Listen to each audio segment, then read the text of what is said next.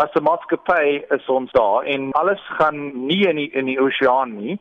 Ons het tanke uh binne die skip wat hou al die water van die bak en alles en ook die die toilet is ook in 'n tank gesit. En as ons terug in die port is, dan vat hulle af van die skip en daar's ook 'n environmental stelsel wat probeer om alles te recycle. So die water is gaan skoonmaak op die skip en dis in die port afgesit. Goed dan, so omgewingsbewaring is vir julle baie belangrik. Dis een van die belangrikste ding in die wêreld vir ons.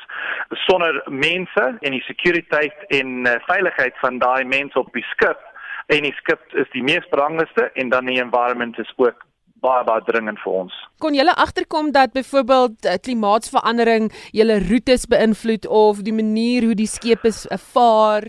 Die groot ding van daai klimaatsverandering is die weer.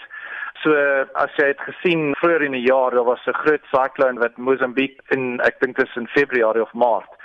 Wat ons sien is daar's baie meer storms wat invloed die, die roete, maar nie baie nie want die skip gaan rond daai uh, probleme, maar daar is meer weer wat uh, wat gebeur in die wêreld wat 'n probleem is vir die wêreld uh, veiligheid en so iets. Maar dit is nie nie 100% 'n probleem want ons het al die planne om dit veilig te maak vir ons mense op die skip. Wanneer kom hierdie skip nou in Suid-Afrikaanse waters aan? 16 November.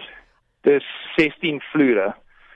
So dit is omtrent ek dink van die water af tot die boonste punt is net omtrent 50 meter en dis 293 meter lank. So dis 'n groot skip. Daar's 'n teater wat 1200 mense hou en dit het al die ligte en alles wat jy op land gaan sien. So die tegnologie daar is baie goed.